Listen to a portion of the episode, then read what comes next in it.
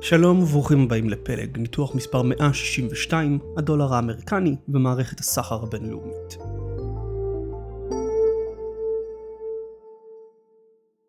בשנים האחרונות ישנה מגמה גוברת בקרב מדינות להתרחק משימוש בדולר האמריקני כמטבע העיקרי לסחר בינלאומי. שתי מדינות שנקטו לאחרונה צעד בכיוון הזה הן סין וברזיל, שתיים מהכלכלות המתפתחות הגדולות בעולם, וחברות בקבוצת בריקס. לפי דיווחים, סין וברזיל הגיעו להסכם לסחר במטבעות שלהן, תוך עקיפת הדולר האמריקני כמתווך. על פי ההסכם, שתי המדינות יוכלו לבצע את עסקאות הסחר והפיננסים שלהן ישירות, תוך החלפת היואן הסיני בריאל הברזילאי ולהפך. ההסכם נתפס כצעד לקראת הקמת מערכת פיננסית גלובלית מגוונת וגמישה יותר, ומערכת שהיא פחות תלויה בדולר האמריקני.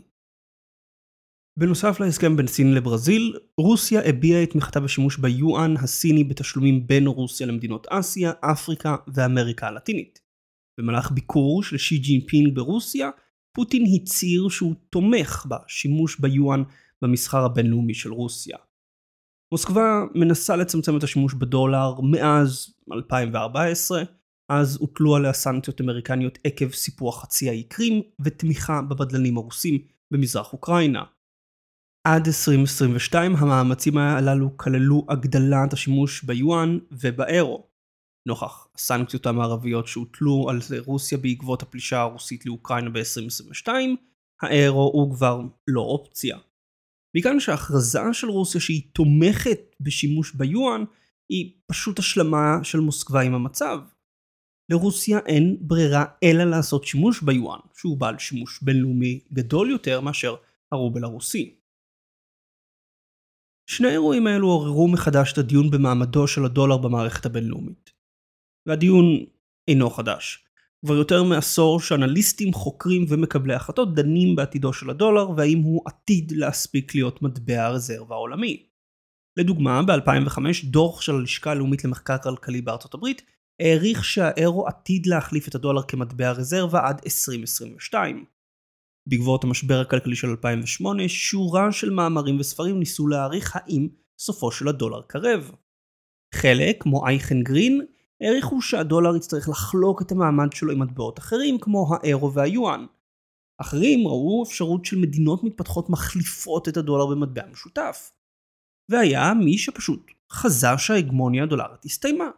לדוגמה, מאמר מ-2010 טען שהקץ של הדולר כמטבע רזרבה בינלאומי כבר הגיע ב-2010. בזמן שיש בהחלט תרחישים בהם הדולר יפסיק להיות מטבע רזרבה, הגדלת השימוש במטבעות מקומיים אינו אחד מהתרחישים האלו. בניתוח היום נבחן את התפקיד החשוב שארצות הברית משחקת בכלכלה העולמית כמי שמוכנה לספוג את עודפי הסחר של מדינות אחרות. האמריקנים מאפשרים למדינות כמו סין, או רוסיה, או גרמניה, או יפן, לנהל עודף סחר גדול וקבוע. הם עושים זאת על ידי ניהול גירעון סחר גדול וקבוע משלהם. כדי שהאמריקנים יוכלו לנהל את גירעון הסחר שלהם, הם חייבים שמדינות עם עודף סחר ילוו להם, והלוואה כזו משמעותה בהגדרה רכישה של דולרים אמריקנים. סין יכולה לסחור עם כל העולם במטבע אחר מהדולר. היא עדיין תהיה חייבת לקנות דולרים אם היא רוצה להמשיך ולקיים את עודף הסחר שלה עם ארצות הברית. בניתוח היום נשפוך אור על הקשר בין המעמד של הדולר האמריקני במערכת הפיננסית העולמית ובין גירעון הסחר של ארצות הברית. שני הדברים קשורים, ולא ניתן לשנות אחד מהם מבלי לשנות את השני. זה הכל בניתוח היום. בואו נתחיל.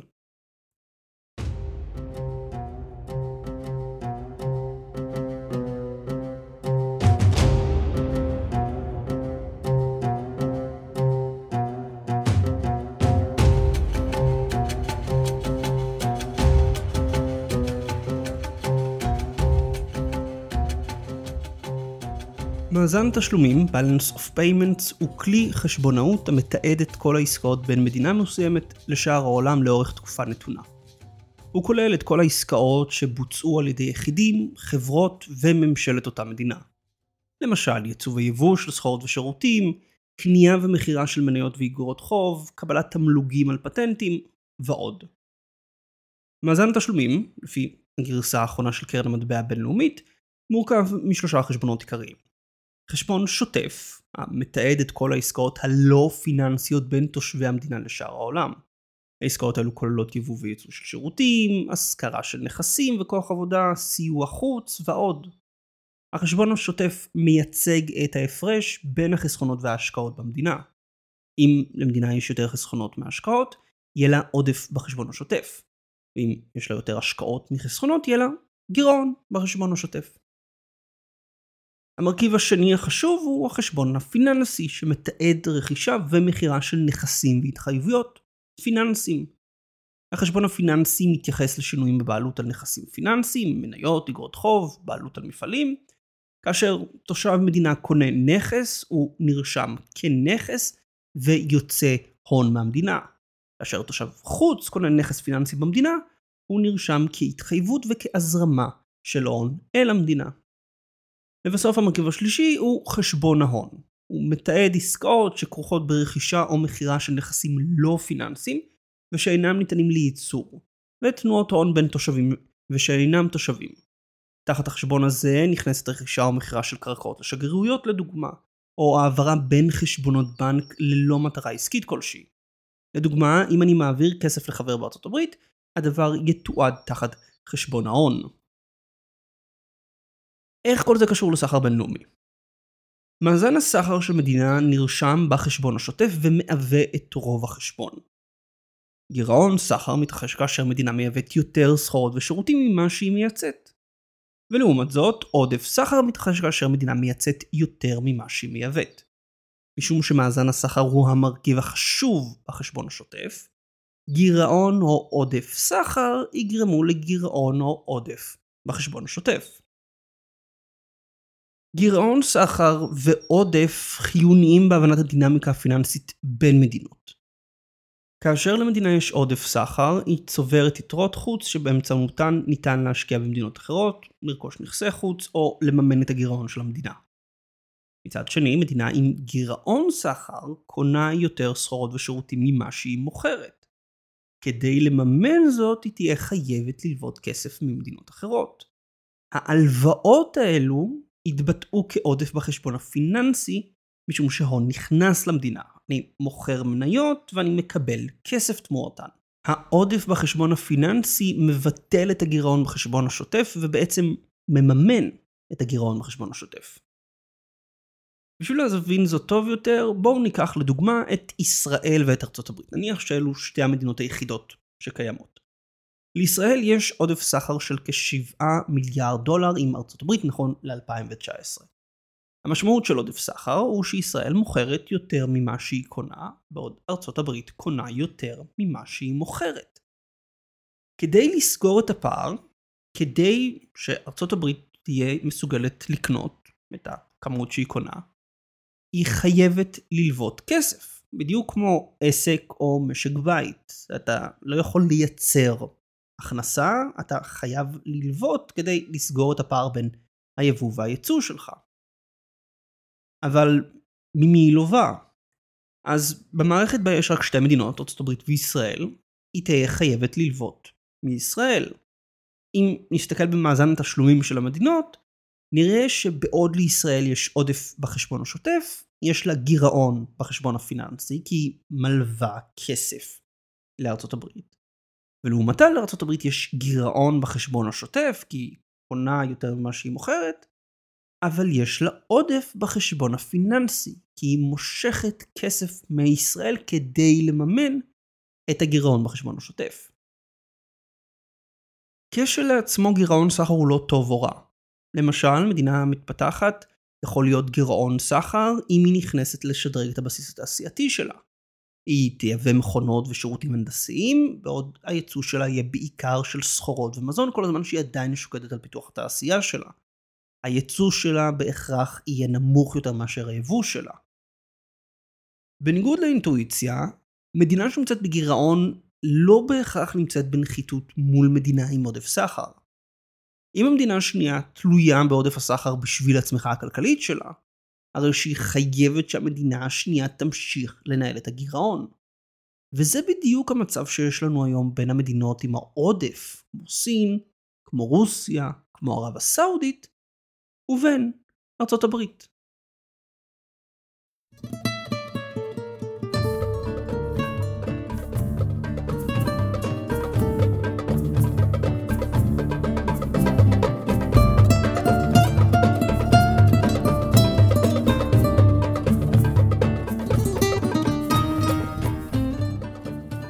עודף סחר הוא אחד המרכיבים בחישוב התמ"ג של מדינה.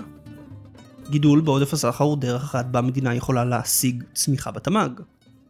עבור מדינות עם ביקוש מקומי נמוך, כמו גרמניה או יפן או סין, עודף סחר הוא מנוע חשוב לצמיחה כלכלית. אולם בשביל שהן יוכלו לקיים את העודף הזה, מישהו חייב לנהל גירעון דומה.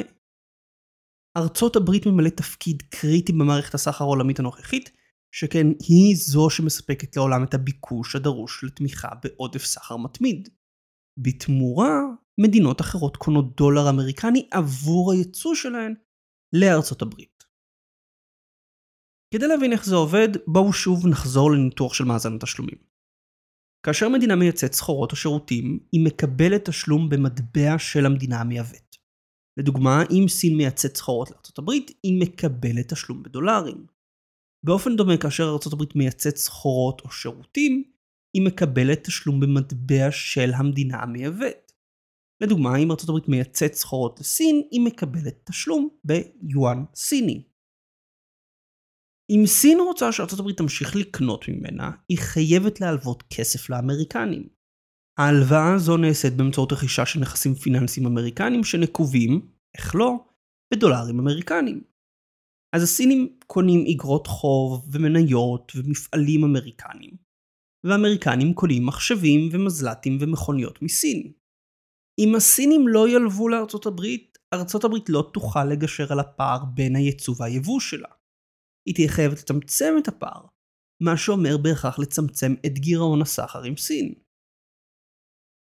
זו כמובן אינה הסיבה היחידה למה הדולר הוא מטבע הרזרבה העולמי. השווקים הפיננסיים של ארה"ב הם הגדולים בעולם. שוק האג"ח הממשלתי האמריקני לבדו מוערך ב-40 טריליון דולר. הבא אחריו הוא של יפן עם 15 טריליון דולר. גודל השוק משמעותו שניתן להנזיל במהירות נכסים מבלי שהדבר יפגע בערך שלהם, אני יכול למכור מיליון דולר של אגרות חוב אמריקניות והשוק לא ירגיש. השווקים הפיננסיים האמריקנים גם פתוחים עם גישה קלה מכל העולם. וארצות הברית היא מדינה מפותחת, יציבה עם מערכת משפט מתקדמת. אני יודע שאם אני קונה אגרות חוב אמריקניות אני אקבל את התשלום המגיע לי. אני יודע שאם אני קונה מפעל אמריקני הממשל המרכזי לא יבוא יום אחד וייקח אותו ממני. גם אם סין תצמצם את השימוש בדולר עם מדינות אחרות, כל עוד אין מדינה אחרת שיכולה לספוג את עודף הסחר הסיני, בייג'ינג תמשיך להיות תלויה בגירעון הסחר האמריקני והיא תמשיך לקנות דולרים אמריקנים. כי אין מדינה אחרת שיכולה לנהל גירעון בהיקף שסין צריכה. בשנת 2021 העודף במאזן השוטף של סין עמד על 317 מיליארד דולר. העודף הזה שווה לאחוז מהתמ"ג האמריקני, ל-10% מזה של הודו ול-20% מזה של ברזיל. הסף העליון ליכולת של מדינות לספוג השקעה באופן פרודקטיבי הוא בין 7% לעד 10% מהתמ"ג. כלומר, אם סין הייתה רוצה להפנות את עודף הסחר שלה למדינה אחרת, אין לה מדינה אחרת שיכולה לספוג את העודף הזה מבלי לשבש בצורה משמעותית את הכלכלה שלה. סין כמובן יכולה לנסות ולפזר את העודף בין מספר רב של מדינות, אך גם כאן יש מגבלות משמעותיות. מדינות מתפתחות ישמחו לקבל השקעה סינית, אולם אין להן שווקים פיננסיים יציבים או שקופים כמו אלו של ארצות הברית. בייג'ינג למדה בשנים האחרונות על הסכנות של השקעה בעולם המתפתח, וראינו צמצום בהשקעות סיניות בשנתיים האחרונות במדינות מתפתחות. למדינות מפותחות רבות יש או עודף במאזן השוטף, או שאין להן עניין בהשקעה גדולה יותר מסין. בשביל באמת לצמצם את הדומיננטיות של הדולר, בייג'ינג תהיה חייבת לצמצם את עודף הסחר שלה. או לחילופין, מדינה אחרת תהיה חייבת לספוג אותו. לרוסיה אין את גודל הכלכלה לשם כך, ומשקיעים סינים מעדיפים להתרחק מעסקים עם רוסיה, ודאי אחרי הסנקציות המערביות. המגזר הפרטי ברוסיה נפגע מאוד עקב הפלישה לאוקראינה, ואין לו את הביקוש הפנימי לאפשר צמיחה ברוסיה עצמה, בטח שלא למשוך את כל העודפי ייצור של סין. לברזיל גם לא אפשרי, מפני שברזיל פשוט קטנה מדי. ולהודו, שווקים פיננסיים סגורים, וכמובן שניו דלי תהיה מאוד מוטרדת מלקלוט כמויות גדולות של השקעה מסין, היריבה הגדולה שלה.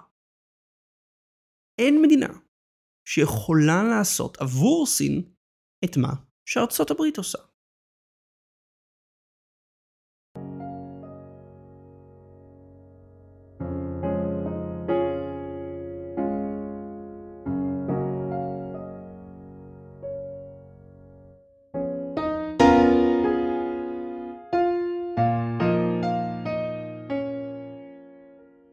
הגודל, היציבות והשקיפות של השווקים האמריקניים מקלים על מדינות אחרות להלוות לארצות הברית. והן מלוות לארצות הברית משום שהן צריכות את עודף הסחר שלהן. אם ארצות הברית הייתה מחליטה להפסיק לספוג את עודף הייצור של העולם, מדינות עם עודף היו צריכות להסתגל לירידה בביקוש. תהליך כזה בהכרח יביא לחוסר יציבות כלכלית ופוליטית. היה וארצות הברית תחליט להפסיק לספוג את עודף הייצור של העולם, למדינות עודף יש אחת מחמש דרכים לבחור בהן כדי להתמודד עם הירידה בביקוש. הדרך הראשונה היא צמצום הייצור, מה שאומר בהכרח גידול באבטלה. עסקים יהיו חייבים לפטר עובדים, ואלו שלא יפטרו יקצצו בשעות העבודה. האבטלה תגדל וההכנסות ממיסים יקטנו. המדינה אז תצטרך לתמוך במובטלים ולהתמודד עם חוסר יציבות פוליטית וחברתית שתוביל עלייה חדה באבטלה. עלייה באבטלה גם תפגע בביקוש המקומי, מה שיפגע עוד בעסקים ויביא לפיטורים נוספים. המדינות עלולות להיכנס אז למעגל אכזרי של שפל כלכלי חדש, שבו ירידה בביקוש גורמת לסגירה של עסקים, וסגירה של עסקים גורמת לעוד ירידה בביקוש. דרך אחרת תהיה הגדלת הלוואות לצרכנים על מנת להגדיל את הביקוש. הבנק המרכזי ינסה לעודד בנקים להלוות יותר כסף לאנשים פרטיים, עם זאת, הדבר הזה לא בר קיימא לאורך זמן, מכיוון שאנשים עלולים בסופו של דבר לקבל יותר חוב ממה שהם יכולים להחזיר, מה שיוביל למשבר פיננסי. אפשרות שלישית תהיה שהממשלה תגדיל את ההוצאות כדי לפצות על הירידה בביקוש החיצוני. כלומר, הממשלה תנסה להחליף את ארצות הברית כמקור ביקוש. עם זאת, זה יחייב את הממשלה להגדיל את החוב שלה, שאולי לא יהיה בר קיימא בטווח הארוך. עם הזמן החוב של הממשלה עלול להפוך לבלתי ניתן לניהול, מה שיוביל לאי יציבות כלכלית ופוליטית. אפשרות רביעית תהיה חלוקה מחדש של ההכנסה במדינה כך שמשקי הבית יקבלו נתח גדול יותר מההכנסה. זו עשויה להיות האופציה הטובה ביותר בטווח הארוך, מפני שהיא מנסה לטפל בבעיה המבנית של למה יש עודף סחר מלכתחילה, מפני שאין לי ביקוש מקומי מספיק גדול כדי לצרוך את כל ה... המוצרים והשירותים שמיוצרים בכלכלה. עם זאת, האפשרות הזאת היא גם הקשה ביותר ליישום מבחינה פוליטית. בשביל לממש אותה מגזר אחר בכלכלה יהיה חייב לאבד הכנסות, וקבוצות שנהנות מחלוקת ההכנסה הנוכחית יאבדו את הכנסתן. לדוגמה, במקרה של סין, חלוקה כזאת תדרוש העברה של תשלומים מהממשלות המקומיות למשקי הבית בצורה של תשלומים חברתיים.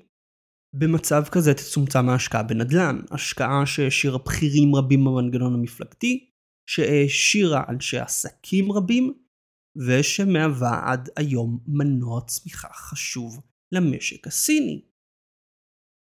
לבסוף, מדינה יכולה לנסות לפצות על ירידה בביקוש החיצוני על ידי הגדלת ההשקעות. ההשקעות במגזר הפרטי קרוב לוודאי ירדו עקב הירידה בביקוש, כך שהממשלה תצטרך להתערב כדי להגדיל את ההשקעות. עם זאת, שוב, זה גם יחייב את הממשלה להגדיל את החוב שלה, שאולי לא יהיה בר קיימא בטווח הארוך. זה בדיוק מה שסין ניסתה לעשות ב-2009 ו-2010 בעקבות המשבר הפיננסי העולמי של 2008. הממשל הסיני הגדיל את ההשקעות שלו, שפך המון כסף למשק, אבל ההשקעות האלו היו לא פרודקטיביות. הכלכלה לא הייתה יכולה לספוג בצורה פרודקטיבית את ההשקעות. אז הקימו ערים שאין בהן צורך, כבישים שאף אחד לא משתמש בהם, נמלי תעופה שלא טסים בהם. ועד היום סין גוררת את החוב הלא פרודקטיבי הזה. כל צמצום בעודף הסחר בהכרח גם יביא להאטה בצמיחת התמ"ג. ירידה בצמיחה עלולה להשפיע על הסנטימנט הכלכלי ולהביא להאטה נוספת בכלכלה המקומית. העולם לא עושה טובה לאמריקנים כשהוא קונה דולרים בתמורה לייצוא סחורות. להפך, האמריקנים עושים טובה לעולם כשהם מוכנים למכור דולרים בתמורה לסחורות. למה? בתיאוריה, גירעון סחר גדול בארצות הברית היה אמור להוביל להיחלשות של הדולר. זאת משום שאם הייצוא האמריקני הוא נמוך יותר מאשר היבוא האמריקני, הרי שבסך הכל בעולם יש ביקוש פוחת לדולרים. הביקוש הפוחת לדולרים היה אמור להחליש את הדולר, לייקר יבוא, להוזיל את היצוא האמריקני, וכך בעצם להוביל לסגירה של הגירעון. יצואנים אמריקנים היה להם יותר קל לייצא בגלל הדולר החלש. לצרכנים אמריקנים היה יותר קשה לייבא בגלל הדולר החלש, ובסך הכל הגירעון היה אמור להיסגר. זה לא מה שקורה, לארה"ב יש גירעון סחר בערך מאז שנות ה-80. במקום, עקב הביקוש לדולרים, עקב הצורך של שאר העולם בגירעון הסחר של ארה"ב, הדולר נותר חזק על אף הגירעון. הוא חזק משום הביקוש העולמי לדולר, ומשום הצורך של מדינות לקיים את גירעון הסחר האמריקני. ואז מי שנפגעת היא התעשייה האמריקנית, שנותרת לא תחרותית, על אף גירעון הסחר הגדל.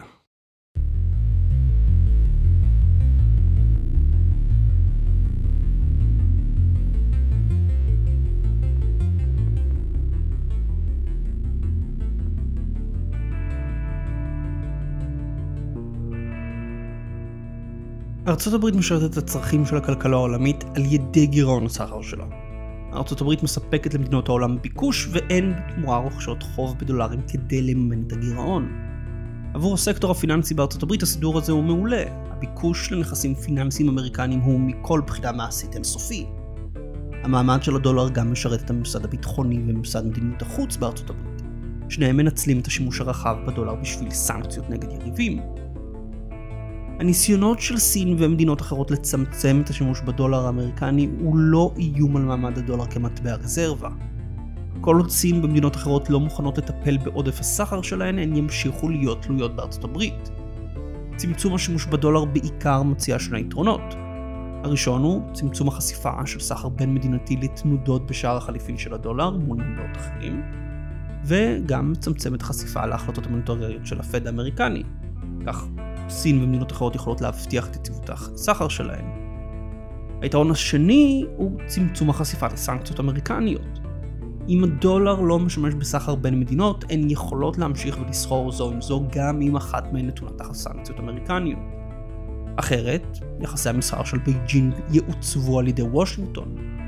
הסינים לא רוצים שארצות הברית תכתיב להם עם מי לסחור או לא, הם גם בטח לא רוצים שארצות הברית תוכל להכתיב למדינות אחרות אם לסחור עם סין או לא.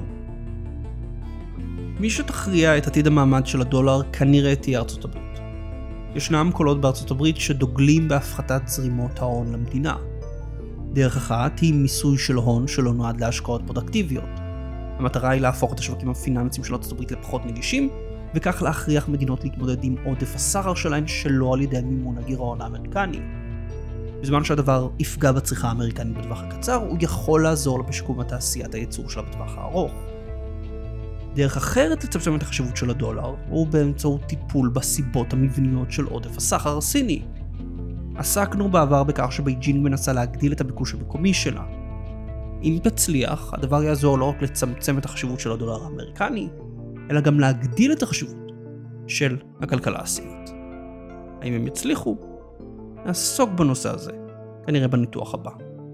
תודה רבה לכם להקשבה, וחג שמח.